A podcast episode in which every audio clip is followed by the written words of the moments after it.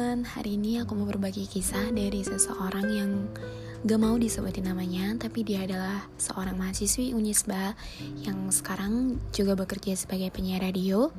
Jadi kemarin sempat kayak cerita-cerita gitu tentang kisah cinta dia. Yang menurut aku ya, semua orang pasti menginginkan kisah yang sempurna kayak dia. Tapi di sisi lain, semua orang juga gak bakalan mau kan kayak berakhir menyedihkan gitu Oke, okay, daripada intronya terlalu panjang, langsung aja kita masuk ke ceritanya ya. Let's get to the story.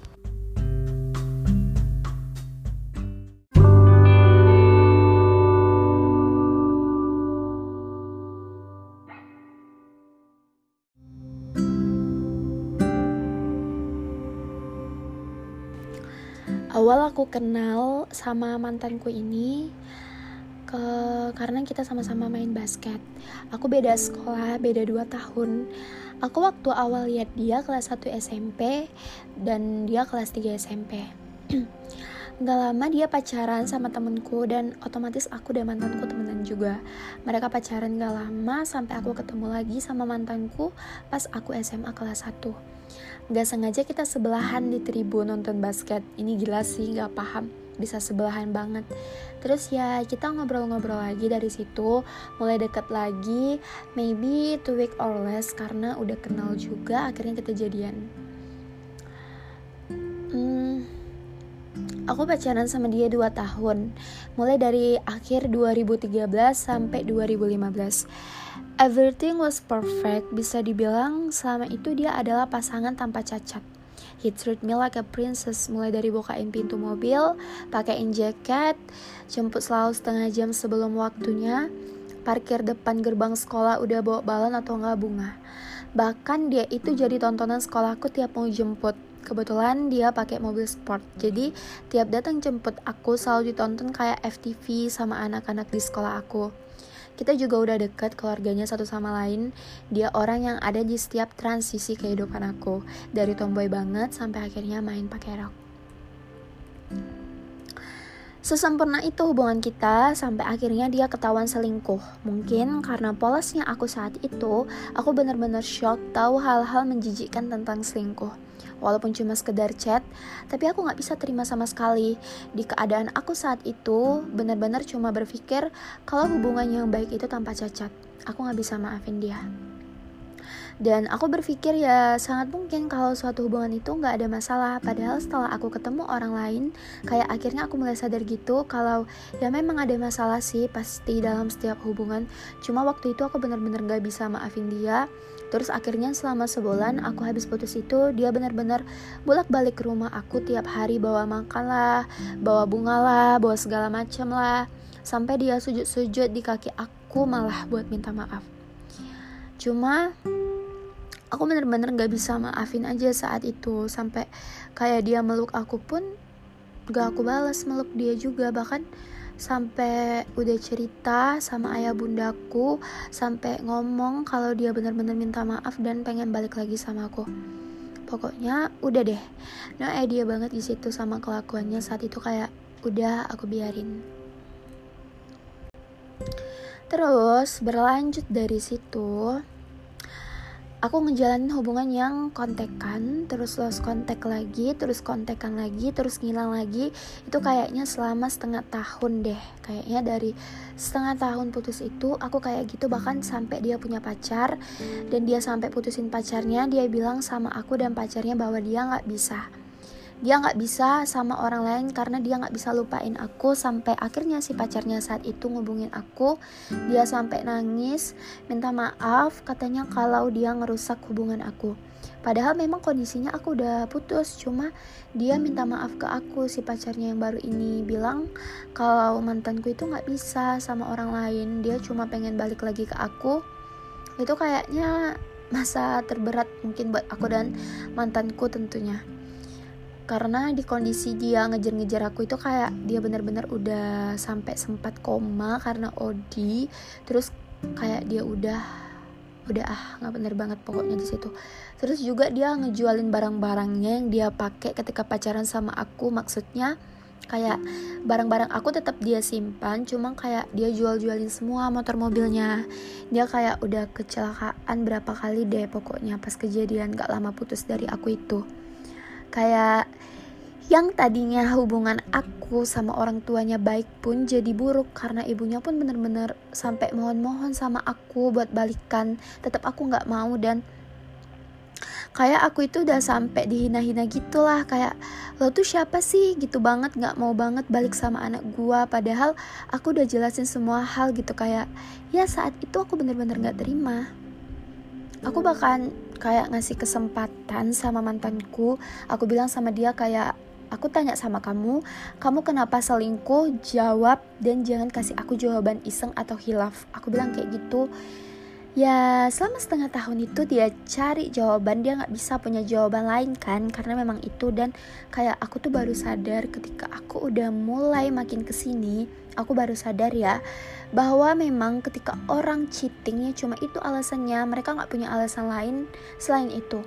Dan ya memang kenapa dia benar-benar kebingungan banget karena dia nggak punya jawaban lain. Dan memang itu sebenarnya satu-satunya kesalahan yang aku tahu dari dia selama aku pacaran sama dia Cuma saat itu aku berpikir bahwa ketika seseorang ketahuan bohong, itu bukan bohong pertama kali ya menurut aku. Jadi kayak aku berpikir bahwa dia mungkin sudah melakukan itu cukup lama, jadi aku tetap nggak maafin.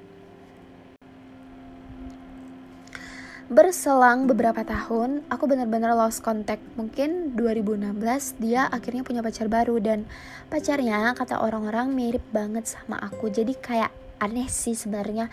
Cuma aku bahkan sempat ketemu sama pacarnya ini akhir 2016 ketemu di mall dengan kondisi aku sendirian dan ya itu sih mungkin yang aku berpikir bahwa dia sebenarnya sesayang itu sama aku. Kayak aku tuh udah mau nyamperin mereka berdua ke mejanya terus kayak dia nahan aku dia narik pacarnya itu yang padahal lagi mau banget makan terus suruh kenalan sama aku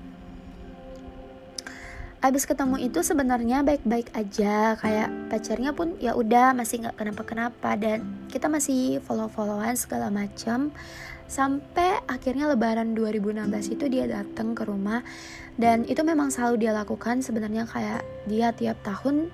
Berarti istilahnya dari awal dia sama aku cuma teman sampai jadi mantan itu dia datang tapi sayangnya dia nggak bilang sama pacarnya. Dan pacarnya benar-benar kecewa marah sampai akhirnya di situlah aku diblok dari semua sosial medianya dan aku benar-benar nggak tahu lagi tentang mantanku mulai dari 2016 sampai detik ini sih aku masih diblok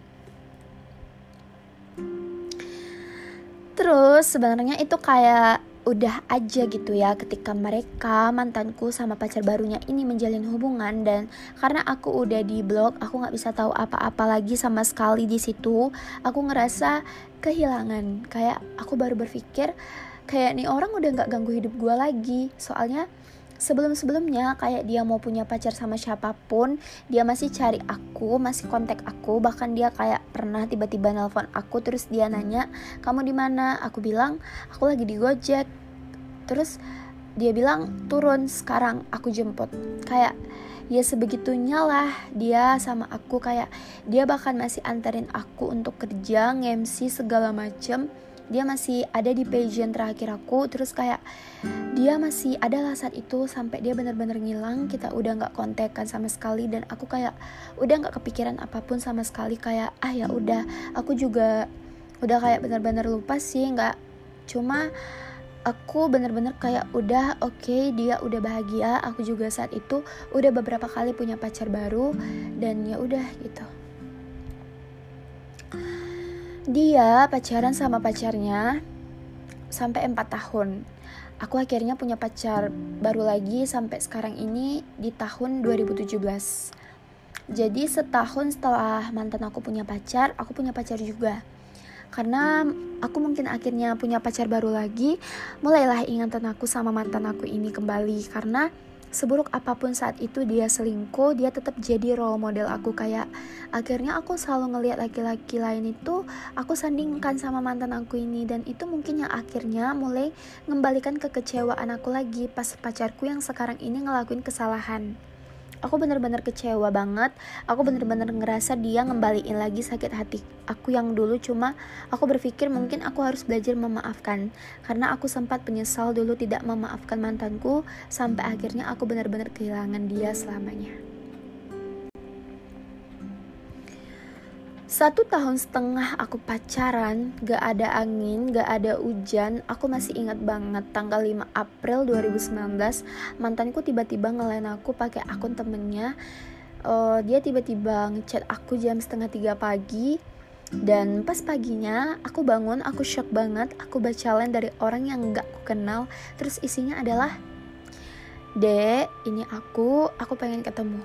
Terus kayak shock banget gitu buat aku kayak yang udah empat tahun dia nggak ganggu hidup aku terus tiba-tiba dia ngomong kayak gitu kayak nggak tahu aja aku harus apa. Sampai akhirnya dari awal aku udah mikir sih nih orang kayaknya mau nikah nih. Cuma kenapa kayak lo harus temuin gua sih? Kayak yang ya udah aja kalau mau nikah nggak apa-apa kok gitu. Kayak aku pikir ya apa apa yang harus dia omongin sama aku ketika ketemu? Kalau cuma sekedar mau nikah gitu kayak lo mau ngasih undangan ya lo tinggal kasihin lo tinggal kirimin ya semuanya lah bisa gitu kak. Atau lewat chat lewat telepon gampang tapi dia tetap kekeh sama aku mau ketemu. Sampai akhirnya aku mulai berpikir kalau oke okay, berarti aku harus temuin karena aku juga sangat menyadari kisah aku sama dia nggak selesai. Kemarin kayak kita berantem gak jelas baikkan berantem baikkan berantem. Kita tuh selalu berantem gara-gara dia selalu maksa untuk balikan. Dan aku kayak benci banget gitu loh. Dan aku berpikir kalau masih mau ketemu ya udah gitu kita masih bisa temenan. Nah dia selalu maksa aku untuk balik lagi. Cuma aku akhirnya mikir bahwa oke okay, mungkin ini akan jadi pertemuan terakhir aku. Aku harus ketemu aku harus menyelesaikan kisah ini. Karena apa? Karena aku pun gak mau terus-terusan membandingi pacarku yang sekarang sama dia. Ya aku berpikir udah harus selesai sampai di sini Tanggal 5 April dia ngechat, berarti hari itu juga kita akhirnya ketemu. Siang-siangnya aku ketemu aku ke kampus, ujian dan segala macam. Sorenya dia jemput aku uh, dan akhirnya kita pergi ke arah rumah aku, kita pulang. Kayak aneh banget sih sebenarnya uh, beberapa temanku lihat waktu aku masuk mobil dan beberapa temanku yang dulu kenal sama aku dari SMP itu satu kampus mereka sempat kaget sih dan kayaknya satu atau dua hari kemudian mereka chat aku kayak memastikan kalau itu memang aku yang akhirnya naik mobil punya dia. Terus akhirnya kita otw pulang. Awalnya sih masih baik-baik aja ya biasalah standar basa-basi tanya apa kabar segala macam. Terus itu udah nyampe kayak setengah jalan ke rumahku terus sampai akhirnya dia udah mulai membahas sesuatu yang mulai serius. Terus ketika udah mulai ngobrol yang serius ini aku nggak tahu sih sebenarnya itu kesalahan terbesar yang aku lakukan ketika aku punya pacar. Cuma aku nggak ngerti apa yang ada di antara aku sama mantanku ini sehingga semua ter semua hal terjadi tanpa rasa penyesalan. Maksudnya kayak ketika kita udah ngobrol serius mantanku ini megang tangan aku. Di mobil itu kayak kita masih benar-benar punya hubungan yang dulu gitu loh kayak dia nyetir sambil megangin tangan aku terus aku mulai nyender ke pundaknya kita ngobrol satu sama lain. Di situ sama sekali nggak terlewat perasaan bersalahku sama pacarku. Dan mungkin juga tidak terlewat perasaan bersalah dia sama calon istrinya. Saat itu kayak bener-bener ya udah gitu kayak aku sama dia masih sama masih ada di hubungan yang sama saat itu rasanya udah mulai dekat ke rumah aku aku udah mulai nangis kayak aku udah mulai nggak bisa nahan nahan air mata kayak unfortunately I'm really emotional. Jadi kayak semua yang keluar dari mulutnya mau itu baik buruk bikin aku nangis sampai aku nangis nggak gimana gimana kayak aku cuma meneteskan air mata yang ya nangis imut gitu. Cuma yang aku kayak sedih aja akhirnya mendengar kabar kalau dia mau nikahin orang lain. Tapi kayak apa ya bercampur senang sih. Cuma di situ kayak aku bener-bener uh, belum menjelas eh maksudnya kayak dia belum menjelaskan apa niat dia sebenarnya untuk nikah. Terus kayak dia tuh masih bahas soal aku sama dia kita masih bahas soal kenapa sih dulu pernah terjadi seperti itu kenapa sih dulu dia harus mengecewakan aku dan lain-lain.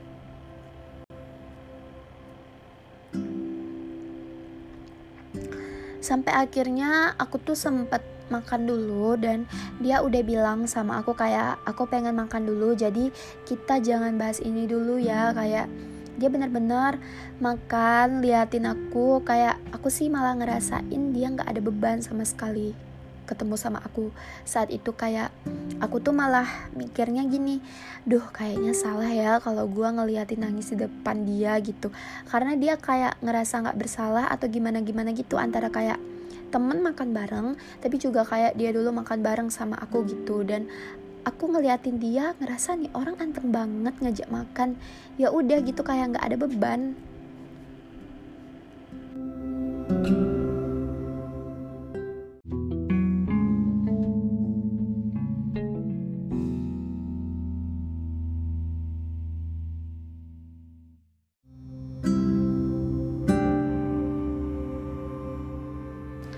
Sampai akhirnya aku kayaknya udah deh aku jangan nangis takutnya juga kalau dia sebenarnya ya udah gitu cuma mau pamit doang.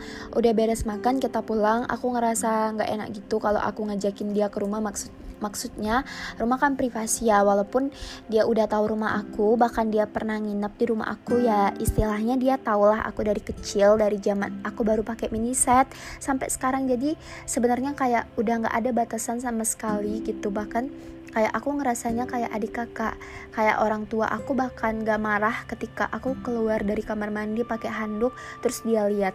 Karena kayak umur kita jauh aku sama dia nggak ngeliatin hubungan yang gimana gimana gitu loh.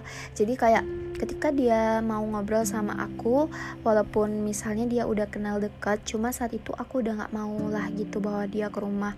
Karena aku mikirnya udah deh nih orang juga udah mau jadi stranger lagi ngapain gitu? Akhirnya kita ngobrol di mobil mulailah dia yang switch peran sama aku saat itu dia mulai banyak cerita dia cerita mulai dari dia menjelaskan kesalahan dia saat itu waktu awal dia selingkuh. Dia ceritain semuanya, dia jelasin dan yang bikin aku benar-benar kaget adalah dia nangis. Dia minta maaf sama aku kayak I'm not expect that one. Dia benar-benar nangis sampai sesegukan minta maaf sama aku. Dia bilang aku benar-benar ngerasa bersalah, aku gak berniat mau nyakitin kamu. Dia bahkan ngejelasin bahwa aku mau pergi ke step selanjutnya dan aku butuh doa dari orang-orang yang aku sayang. Aku gak mau ninggalin dosa sama siapa pun termasuk kamu. Dia jelasin semuanya saat itu sama aku. Terus mulailah dia menceritakan mengenai kisah pasangannya yang sekarang ini. Dia akhirnya cerita kenapa aku di blog, kenapa semua sosial media, nomor segala macam dihapus karena akhirnya calon istrinya tahu. Ketika lebaran dia ke rumah aku, dia cerita betapa bencinya calon istrinya ini sama aku dan dia akhirnya setelah minta maaf dan segala macem dia minta izin sama aku.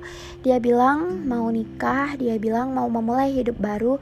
Terus dia juga minta maaf sama aku kalau doa doa aku sama dia sama ini ternyata malah terkabul oleh orang lain. Mungkin dia ngerasa yang ngebuat aku sama dia jadi sesedih ini adalah aku sama dia tuh udah naruh ke ekspektasi setinggi mungkin di umur kita yang terlalu muda. Mungkin anak SMA zaman sekarang nggak mikir gitu ya dia mau nikah gitu kan.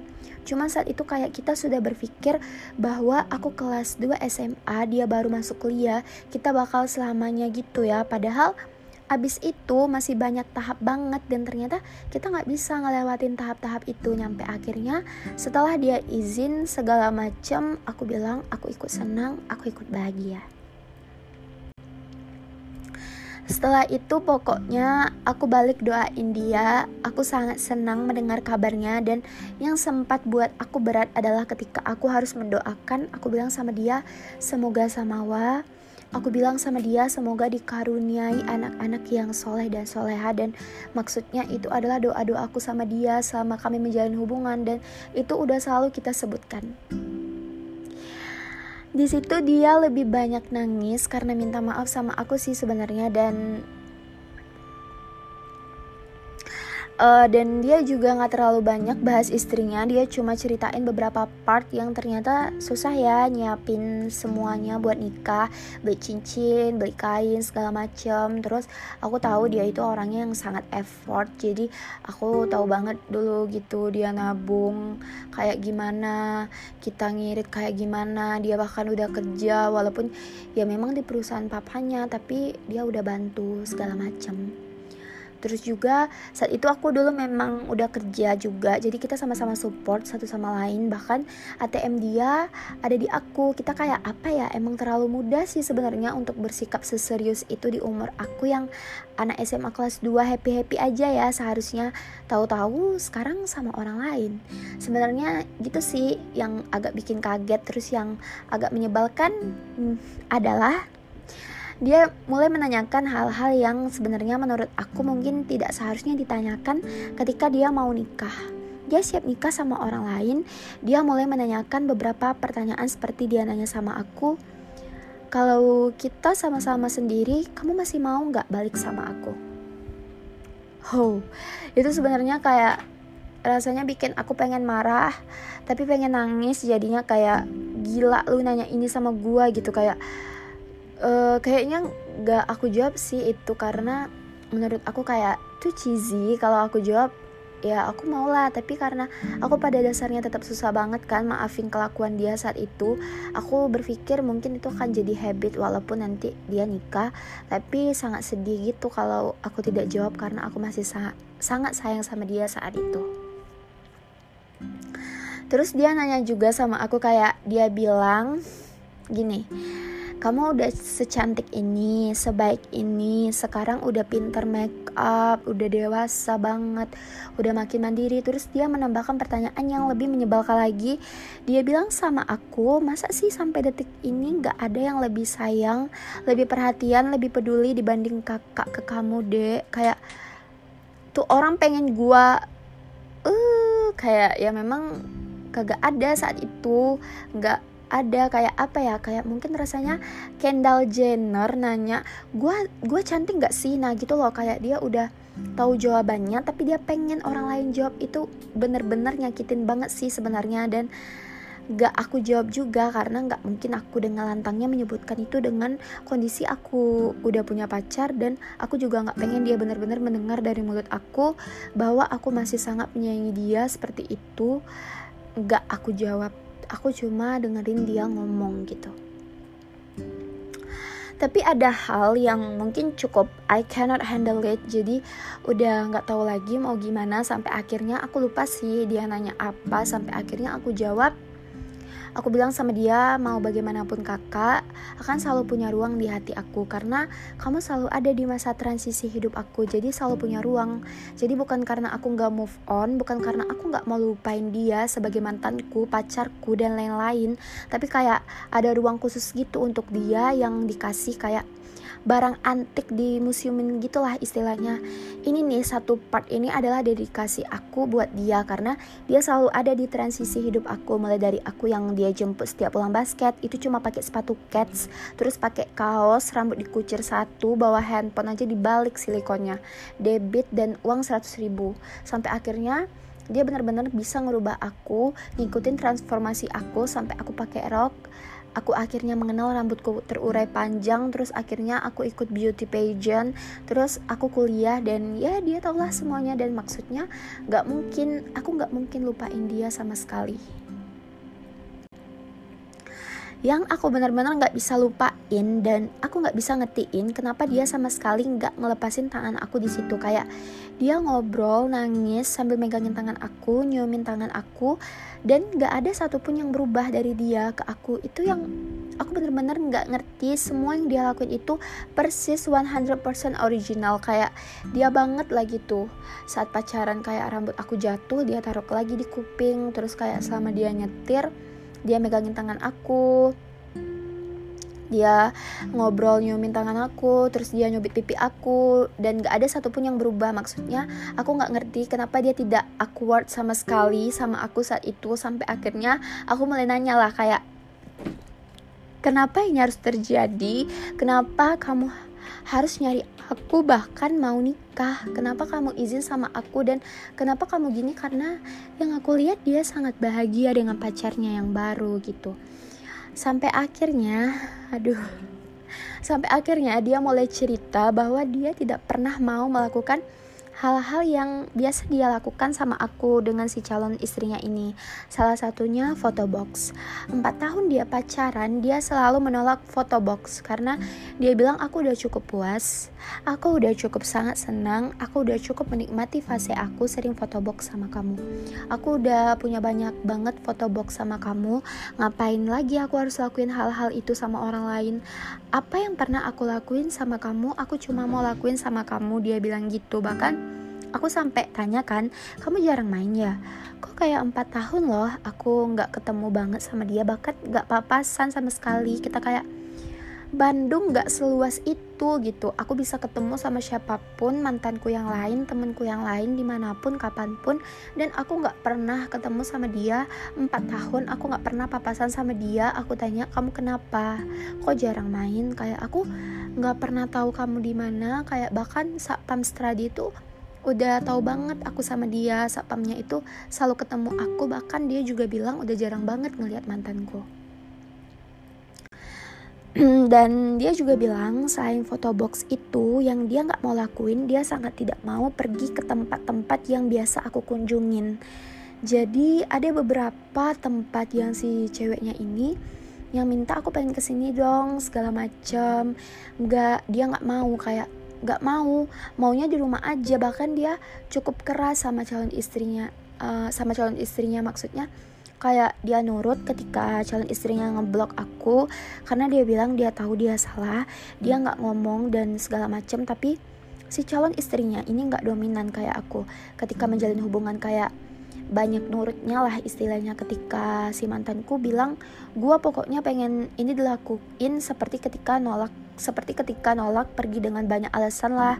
Sebenarnya dia yang gak pengen mengunjungi tempat itu karena sudah sering aku kunjungin sama dia. Terus sampai akhirnya itu lama banget sih sebenarnya sampai malam deh. Aku sore sampai malam kayak kayaknya itu ngobrol sama dia sampai harusnya udah beres karena memang satu obrolan kita udah selesai dan orang tuaku pulang akhirnya. Pas orang tuaku pulang ya mau nggak mau akhirnya aku bilang sama dia kamu bilang ya sama ayah bunda apa yang terjadi gitu. Akhirnya dia ya udah oke. Okay. terus ayah bunda udah nanya kan kenapa? Ada apa ini? Tumben banget. Dan itu hal yang masih bunda lakukan. Selama uh, semasa dia ketemu bunda atau dia mau pamit itu bunda dia cium pipi kanan kiri terus cium kening gitu kan terus kayak nanya kenapa? Apa kabar? Udah lama? Ih nggak datang sekarang tiba-tiba datang lagi. Ada apa? Terus kayak dia jelasin bun aku mau nikah minta doanya ya segala macam ya maksudnya itu bahkan terdengar lebih berat lagi sih buat aku karena dia harus ngomong ke orang tua aku walaupun mereka udah tahu kita udah putus lama. Sampai akhirnya dia pun menjelaskan dia awalnya minta maaf juga nggak bisa ngundang. Kalau sama aku dia jelas jujur dia bilang nggak mungkin aku ngundang kamu. Kalau sama ayah bundaku dia bilang maaf nggak bisa ngundang. Soalnya yang dia undang juga sedikit gitu kayak privat lah terus ya udah akhirnya ayah bunda aku masuk rumah dan kita kembali ngobrol lagi di mobil. Selesai sampai situ ya kita pokoknya perpisahan lah. Perpisahan yang cukup drama. Nangis lagi dia meluk aku dan segala macam. Dan dia pamitan bener-bener like usually is a boyfriend. Aku cium tangan dia dia cium pipi kanan kiri cium kening. Terus dia peluk aku dia bilang ini sih juga jadi part yang sangat menyedihkan. Dia bilang, aku pamit ya, mungkin ini jadi terakhir kali kita ketemu. Aku minta maaf, aku minta doanya, dan aku selalu sayang sama kamu. Oh, kayak what the hell gitu masih sayang tapi nikah sama orang lain cuma ya udahlah gitu di situ pun aku sama dia sepakat bahwa kalau kita ketemu kita harus pura-pura nggak kenal entah sama-sama balik badan entah berpapasan dan nggak bisa eye contact sama sekali. Kayak ya udah mungkin bisa dibilang aku kehilangan satu temenku gitu. Lost my best friend dan sampai situ udah deh terakhir aku cuma foto dia di mobil terus udah kita akhirnya berpisah. Sebenarnya sempat ketemu sekali itu random banget ketika kita ketemu di tempat kopi pagi-pagi sebelum aku ngantor dan dia mau take away kopinya. Kayak aku berpikir ini dari sekian banyak toko kopi aja aku bisa ketemu sama dia. Kenapa empat tahun sebelumnya itu kita nggak pernah ketemu sama sekali cuma itu pun dia cuma ya post sama teman-teman aku minta doa mau nikah. Itu seminggu sebelum nikah sih. Kalau waktu ketemu aku tuh kayak beberapa bulan gitu sebelum nikah. Terus akhirnya dia cuma megang tangan aku terus dia bilang aku pamit ya. Ya udah setelah itu sebenarnya yang lebih parah adalah masalah aku sama pacarku yang sekarang. Karena akhirnya tahu dia tahu cuma berhubung ini mau men mau menceritakan kisah percintaanku yang dulu jadi that's it. Dan yang perlu di highlight di highlight kalau hubungan aku ini benar-benar sesempurna itu di awal. Lalu dia selingkuh tapi buat aku di akhir pertemuan dia ngebuktiin cintanya bahkan menutup pertemuan dengan kalimat aku selalu sayang sama kamu. thank you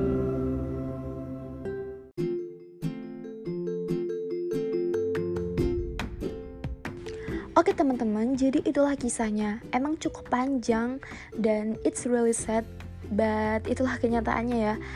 Dan sebelumnya aku mau berterima kasih buat narasumber yang sudah mau berbagi kisahnya di podcast aku. Aku harap kisah dari kamu ini dapat menjadi pelajaran buat semua yang ngedengerin podcast aku bahwa memang benar jodoh itu emang gak bisa ditebak ya. Orang yang udah lama bareng sama kita pun belum tentu jadi jodoh kita. Dan begitu pula sebaliknya.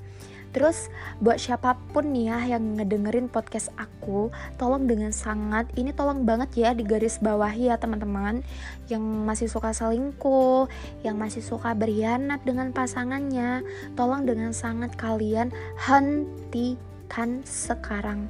Karena apa? Karena menurut aku sebuah perselingkuhan itu adalah hal yang sangat sangat sangat sangat sangat sangat sangat fatal yang bisa buat kalian nyesel sama diri kalian sendiri. Kalian itu bisa kehilangan seseorang yang sangat berarti buat kalian.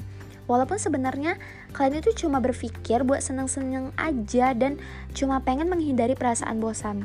So, kalian bisa banyak belajar dari kisah ini. Kalian bisa ambil hikmahnya Aku harap kalian semua paham dan mengerti bahwa siapa pun yang berada di samping kalian saat ini, yang selalu menemani suka duka kalian, jaga dan jangan lepaskan hanya demi seseorang yang lebih menarik.